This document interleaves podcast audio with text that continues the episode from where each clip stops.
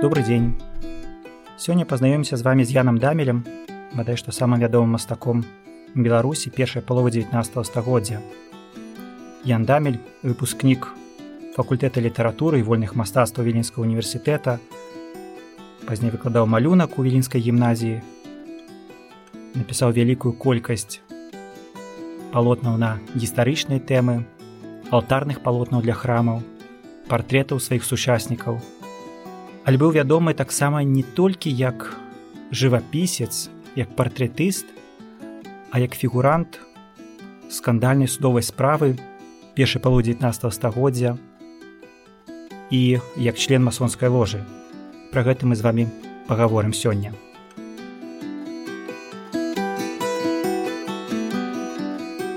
На жаль сёння Ян дамель можна так сказаць напаўзабыты для беларусі яго імя шырока вядома сярод мастацтвазнаўстваў тых хто цікавіцца гісторыяй беларусі 19 стагоддзя. Але калі проста запытацца якіх мастакоў беларусі 19 стагоддзя вы можете пералічыць мало хто ўзгадае імя яна дамеля. Гэта імя загубілася сярод сотняў іншых і з цягам часу просто па прычыне таго што адсутнічаюць звесткі з яго біяграфіі стварылася вельмі шмат міфаў і легендаў вакол яго асобы. А далей ужо час і забыццё зрабілі сваю справу. Тое што яшчэ учора было неправернай гіпотэзай сёння ўжо стала ўспрымацца як факт.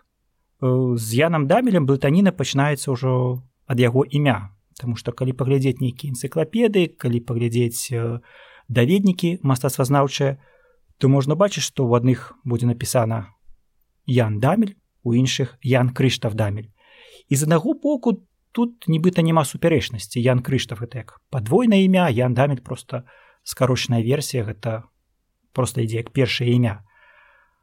але насамрэч ян дамель і крыштаф дамель гэта два розных чалавека Магчыма яны былі сваякамі або нават братамі сёння нейкіх пацверджняў гэтаму не знойдзена. Але э, сам факт таго што Э, дзве асобы два розных чалавека з цягам часу яны зрасліся ў одну асобу аднаго чалавека Яна крыштафа дамеля. Э, як адбылася гэта блытаніна чаму Яна дамеля і крыштафа дамеля аб'ядналі ў одну асобу? Наверагодні гэта звязана з тым што яны ў адзін час э, гэта самы пачатак 19 стагоддзя навучаліся ў віленскім універсітэце. І адзін і другі вучыліся на факультэце літаратуры і вольных мастацтваў. І магчымасць цягам часу аднолькавае прозвішча і аднолькавы накірунак яны пачалі звязвацца ў одну асобу Яна крыштафа дамеля. Увогуле пра Яна дамеля а дакладней сказаць пра яго дзяцінства мы мала што ведаем і некаторыя дадзеныя сёння успрымаюцца як факт а насамрэч это проста блытаніна фактаў Ян дамель нарадзіўся ў 1780 годзе у курляндыі тэрыторыя сучаснай латвіі і трэба сказаць што дакладная дата і мясцовасць невядомая. Нават 1780 год гэта под пытаннем дата тому что ўжо такі пасля яго смерти пачалі пісаць аб тым што ён нарадзіўся ў 1780 годзе калі глядзець розныя ускосныя дакументы які б нам маглі дапамагчы ў гэтым то увогуле гэты калідор дату нараджэння можна пашыраць прыкладна 1777 і ажно до 1790 года. То бок просто розныя документы э, могуць нас ускосна наводзіць на розную дату нараджэння так не сказать на год тому что дакладную дату мы нават і, і не ведаем. Таксама як не ведаем само месца нараджэння хоць э, у розных кнігах даведніках энцыклапедыях можна бачыць што ён нарадзіўся у горадзе мітава мітава гэта сучаснай елгава Латвія і справа тым што ў горадзе мітава ён навучаўся ў гімназіі а дакладная дата і месца нараджэння яго на жаль невядомыя трэба сказаць што пра гэты моманты звязаныя з яго біяграфіяй біяграфіі яго дзяцінства мы ведаем дзякуючы самому ж дамелю які пакінуў невялікі запіс аб тым што нарадзіўся ён у курляндыі. Сам ён не падае даты дакладна не падае мясцовасці. Аб тым што вучыўся ў мітаве у гімназіі. і э, пасля вучобы мітава ён пераязджае ўжо на жмуць жмуць это тэрыторыя ўжо сучаснай літвы адтуль у 1799 годзе ён уже пераязджае ў вільню дзе і паступае ў віленскі універсітэт Што яшчэ вядома пра дзяцінства пра сям'ю мастака то толькі што бацьку яго звалі таксама Ян бацька быў гандляром дзед быў палконікаў саксонскіх войскаў Вось і ўсё што мы ведаем пра дзяцінства мастака і трэба азначыць што вось у гэтую сціплую інфармацыю пра дзяцінства Яна дамеля вельмі добра акрэсліў яго сябра таксама мастак Адам шэмеш які напісаў сваю ўспаміну ўжо пасля смерці дамеля. Чалавек які яго асабіста ведаў напісаў наступнае. Акалічнасці яго нараджэння выхавання успаміны яго маладосці і нават пазнейшых гадоў нікому невядомыя. То бок ужо калі сябра не ведаў пра яго дзяцінства то што ж казаць пра нас даследчыку які сёння вывучаюць гісторыю беларускага мастацтва 19 стагоддзя фарміраванне дамеля як мастака адбывалася падчас вучобы у віленскім універсітэце вучыўся ён на факультэце літаратуры і вольных мастацтваў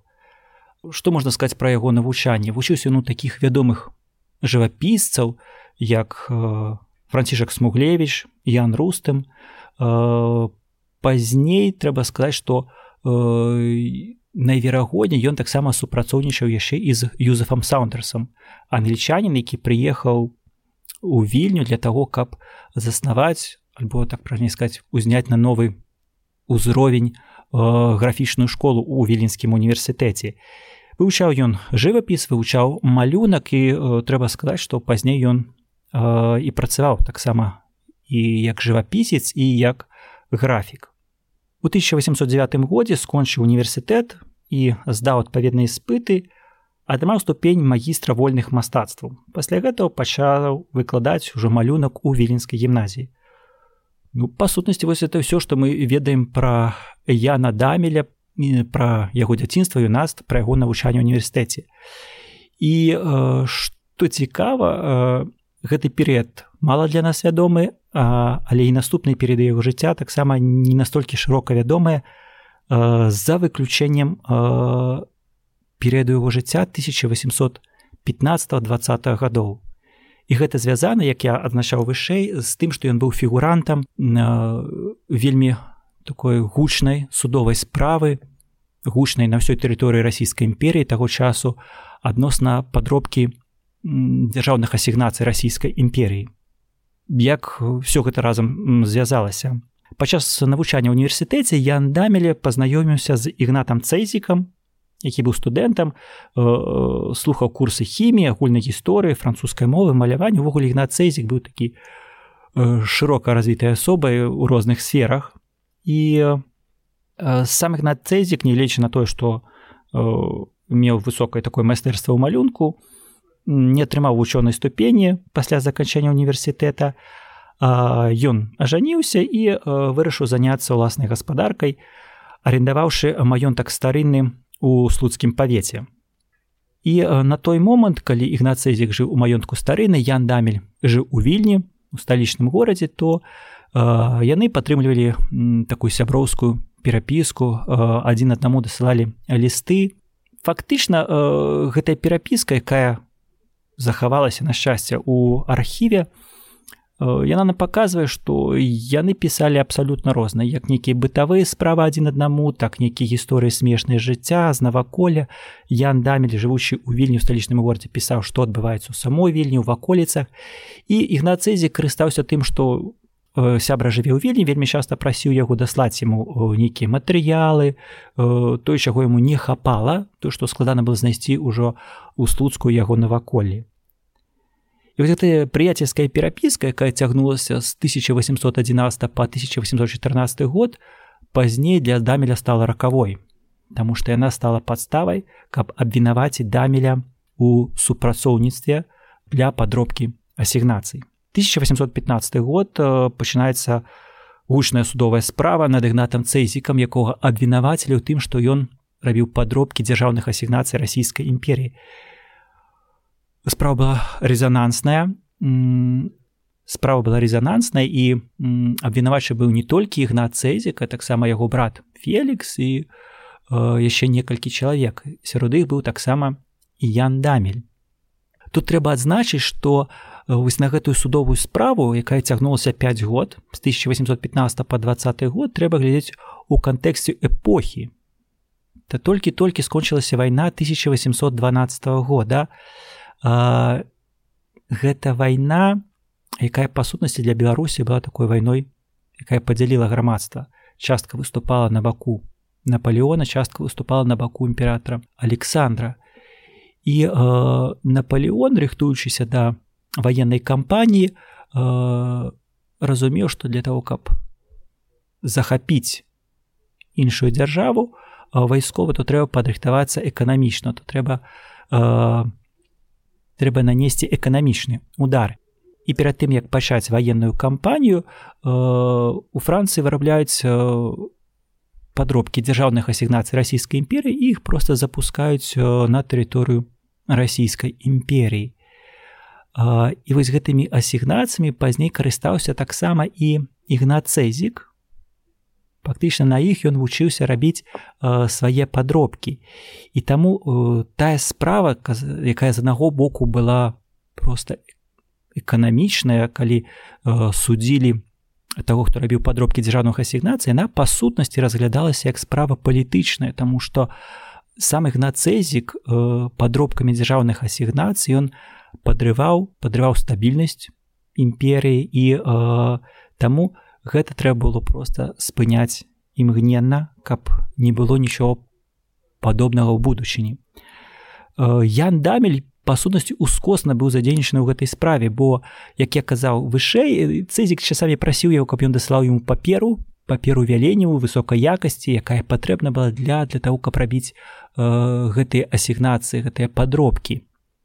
І дамель фактычна нічога не ведаючы дасылаў цэзіку гэтую паперу э, таксама калі цэзік дасылаў яму асігнацыя э, фальшывыя падробкі каб ён іх разменьваў э, на залатыя ці срэбраныя манеты дамель стараўся гэта рабіць але ў яго не атрымлівалася і все гэта фактычна было занатавана зафіксавана менавіта ў гэтым ліставанні які сказаў тое што стала вот эта сяброўская перапіска якая стала сведчаннем супраць дамеля. Сама справа судова цягнулася 5 год і ў 1820 годзе быў вынесены канчатковы вырак Яну дамелю. Сам прысуд гучаў наступным чынам. Хоць віленскай академіі рисовальнай учитель изящных наук профессор Иван Дамель в соучастии к деланию фальшивых ассигнаций ни в знании о том не признался, да и Цезик его не говорил, но как на него падает весьма сильное подозрение, потому что жил с Цезиком в тесной дружбе и имел с ним переписку в весьма темных и неясных выражениях, получил от Цезика по собственному признанию для размена полторы тысячи рублей, якобы французских ассигнаций, и не объявя обонных никому, возвратил их Цезику, разговаривал с ним о проекте делания фальшивых ассигнаций, о чем также никому в свое время не объявил, давал Цезику свой паспорт на выезд за границу, с которым Цейзик под его Дамеля именем и был за границу, доставлял в разные времена Цейзику веленевую бумагу, из которой деланы были ассигнации, то посему, оставя Дамеля в сильном подозрении, в знании проделания Цейзиками ассигнаций, яко человека в обществе опасного к предупреждению на будущее время могущих произойти от него вредных последствий, сослать в Сибирь на поселение. То па сутнасці ўжо нават з самой пастановы сенату мы разумеем што дамеля фактычна не было ў чым абвінаваць та все гучыць што сам ён не прызнаўся цызік яго не не абгаварыў. То бок нічога супраць яго не было але як от человека в обществе опасного к предупреждению на будущее время могущих произойти от него вредных последствий сослать.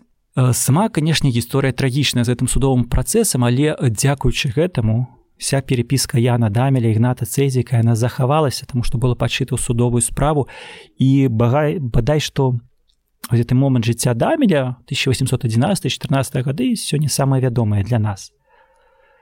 Двадцаты год дамель пакідае Беларусь і едзе на ссылку ў Сібір і тут трэба адзначыць што яшчэ падчас самой судовай справы за дамеля спрабавалі заступіцца яго браты масоны Сам дамель быў членам двух масонскіх ложаў віленскай руплівы ліцвін і мінскай масонскай ложы паўночная паходня што цікава калі адбываўся сам судовы працэс то з віленскай масонскай ложы пісаліся лісты ў петербургскую масонскую ложу астрэа каб там паплывалі на той вырак які будзе вынесены каб дамель быў апраўданы. Але гэта не дапамагло а калі ўжо быў агучаны прысуд то в розных масонскіх ложах на заклік віленскай ложы пачалі збіраць грошы каб дапамагчы дамелю фінансава і забегаючы наперад трэба азначыць што само членства масонскай ложы таксама паспрыяла дамелю у хутчэйшай вяртанні з высылкі Таму што вядомы масон расійскай імперіі михаил спіранскі які быў генерал-губернатарам сібіры ён у паспрыяў таму, каб дамель як мага хутчэй вярнуўся з высылкі. Увогуле Сібіры ён правёў з 1820 па 1823 год і нягледзячы на тое, што мы не ведаем, не маем такой вялікай колькасці звестак, увогуле сам гэты перыяд быў даволі такі э, плённым для дамеля як для мастака таму што ён меў магчымасць падарожнічаць ён э, запісаў дзённік у дзённіку рабіў не толькі нейкія нататкі падарожныя нейкі яго заўвагі ўспаміны але яшчэ замалёўкі замалёў увогуле тыпу людзей якіх сустракаў і дзякаваць Бог гэтыя малюнкі яны сёння захаваліся і я бы іх так акрэсліў зараз як такую маляўнейшую энцыклапедыю народа дальняга ўсходу рассіі менавіта дзякуючы дамію захаваліся гэтыя вобразы. Там жа у сібірі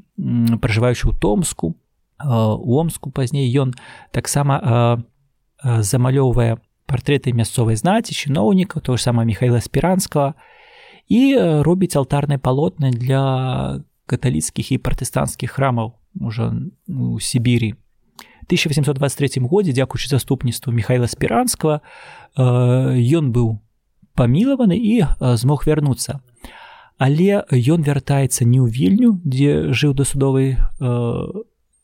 справы да самого судового працэсу ён вяртаецца ў мінск чаму ў мінск зараз сказаць дакладна немагчыма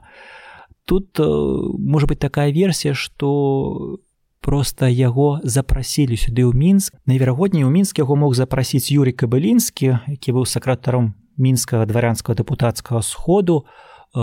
вядомы мецэнат у культуры які дапамагаў дзеячам культуры і ян дамель зараз мы дакладна ведаем што ён жыў у самым цэнтры мінска на высокім рынку а вось дакладны дом невядомых хоць некаторыя лічаць што ён жыў по э, по сучасным адрасе мінск плошча свабоды 15 зараз гэта галерея михаила савіцкага гэта сяброўства з юрыем кабылінскім яно дапамагло дамелю увогуле ў сфере такой бытавой месца дзе ён мог жыць замовы на партреты а ён вось гэты перыяд мінскі перыяд свайго жыцця это будем казаць 20 30 гады 19 стагоддзя ён стварае вельмі шмат партретаў мясцовай шляхты якія жылі у мінскай губерні самі мінску у маёнках вакол мінска. І дамель на той момант становіцца такой адной з самых знакавых фігур у культурным жыцці яго запрашаюць на шматлікія імпрэзы культурныя як я казаў ён стварае партреты акрамя гэтага піша алтарныя палотны для розных храмаў для віленскіх храмаў таксама для мінскіх храмаў. Трэба сказаць што пасля вяртання з высылкі ў 1823 годзе ён ужо до конца свайго жыцця жыў у мінску э, за выключэннем такого кароткага выезду санкт-петербург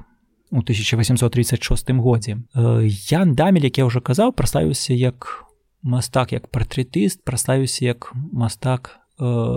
батальных сцэнаў гістарычных бадай што самае вядома яго палатно альбо наскай такі сюжэт які ён паўтаряў у і у жывапісе ў графіцы гэта адступленне войскаў наполеона праз вільню у 1812 годзе. Сама гэта тэма вайны 1812 года она была жывой для дамеля бо ён перажыў яе ў вільні у яго было перад вачыма не толькі э, баявыя самі сцэны а ўвогуле э, сама трагедыя вайны. Таму вось гэта тэма вайны 12 -го года яна была для яго вельмі важная. Напрыканцы свайго жыцця э, па ўспамінах сучаснікаў ён нават задумаў напісаць палатно пераправа наполеона праз э, беразіну але смерць гэтаму перашкодзіла. Сёння з помнікаў мастацтва я на дамеля э, на тэрыторыі беларусі захавалася на калі так казаць то ўсяго толькі два жывапісных палатна яны знаходзяцца ў калекцыі нацыянальна мастацкага музея. І бадай што самае вядомае і нават самае знакавае без перабольшвання гэта э, палатно я надамелі якую ён пісаў для кальварійскага касцёлу узвышэння святого крыжа ў мінску. Дакладная дата напісання гэтага палатна само палатно гэта Христос у аліўным садзе малітва хрыстаўленым садзе невядомая сёння ну наверагодней гэта 30 гады 19 стагоддзя. Таксама можна ускосна правесці такія паралелі і па ўскосных звестках падумаць што гэтае палатно мог замовіць той самы юрий кабылінскі бо на гэтых жа могілках была пахаваная яго жонка юзефа і уваходная брама на могілках якая захавалася да нашых дзён. Яна была збудаваная ў памяць аб памерлай жонцы ёсць нават такія меркаванні што барельефы якія упрыгожваюць гэтую браму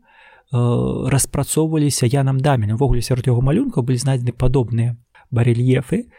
і, і таму найверагодней ён з'яўляецца аўтарам гэтых барельефаў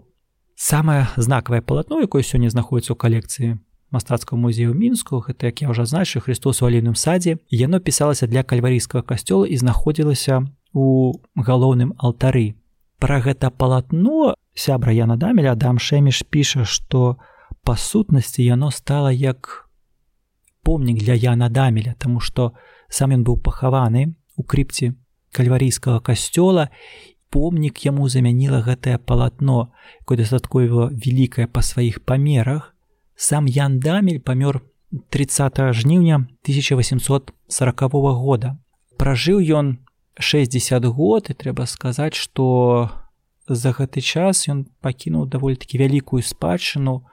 мастацкую спадчыну якая на сённяшні дзень знаходзіцца у дзяржаўных прыватных зборах на тэрыторыі беларусі літвы польльшы рассіі і украіны таксама вядома што і ў злучаных штатах Амерыкі. Гэта тое што вядома на сённяшні дзень а э, верагодна што ў будучыя часы высветліцца і аб тым што у недзе у дзяржаўных альбо прыватных зборах знаходзіцца і забытыя палотны мастака. Цікава і момант самой смерці яна дамеля справа тым што яшчэ падчас працы у віленскай гімназіі это 1810 гады ян дамель калі пісаў ліст ігнату цэзіку напісаў яму я адчуваю сябе ўсё горш і горш і баюся сухотаў. Раюся з доктарам ён мяне суцешыў бязмерна і пасля патройнага ўзняцця апускання броваў сказаў: Васпане ад сухотаў ніколі не памрэш, але пэўна ад вадзянкі або апаплексіі. І у метрычнай кнізе кальварійскага касцёла ёсць запіс аб смерці Яна дамеля і як прычына смерці пазначана менавіта апаплексічны удар. То бок тое, чаго дамель баяўся яшчэ, калі ему было 30 год тое з ім здарылася і ва ўзросце 60 год ён памірае менавіта ад апаплексічнага удара. Цікавы той факт, што ты алтарныя палотны, які ствараў Ян дамель, ён некаторыя пісаў задарма і дарыў для храмаў, некаторы пісаў за кошт ахвяраванню той платы, які рабілі яму мецэнаты і у якасці своеасаблівай майстэрні Ян дамель выкарыстоўваў сутарэнні падвальныя памяшканні э, катэдральнага касцёла які захаваўся зараз знаходіцца ў мінску на плошчы свабоды захаваліся ўспаміны што для дамеля вельмі важным было э, перадача адпаведнага святла і ценю што менавіта каларыстыка палатна гэта была адна з такіх адзін з яго моцных бакоў у мастацтве і таму каб ствараць менавіта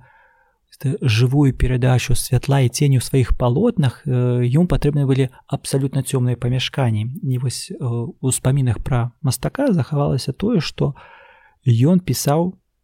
разнастайныя палотны ў сутарэнні касцёла на плошчы свабоды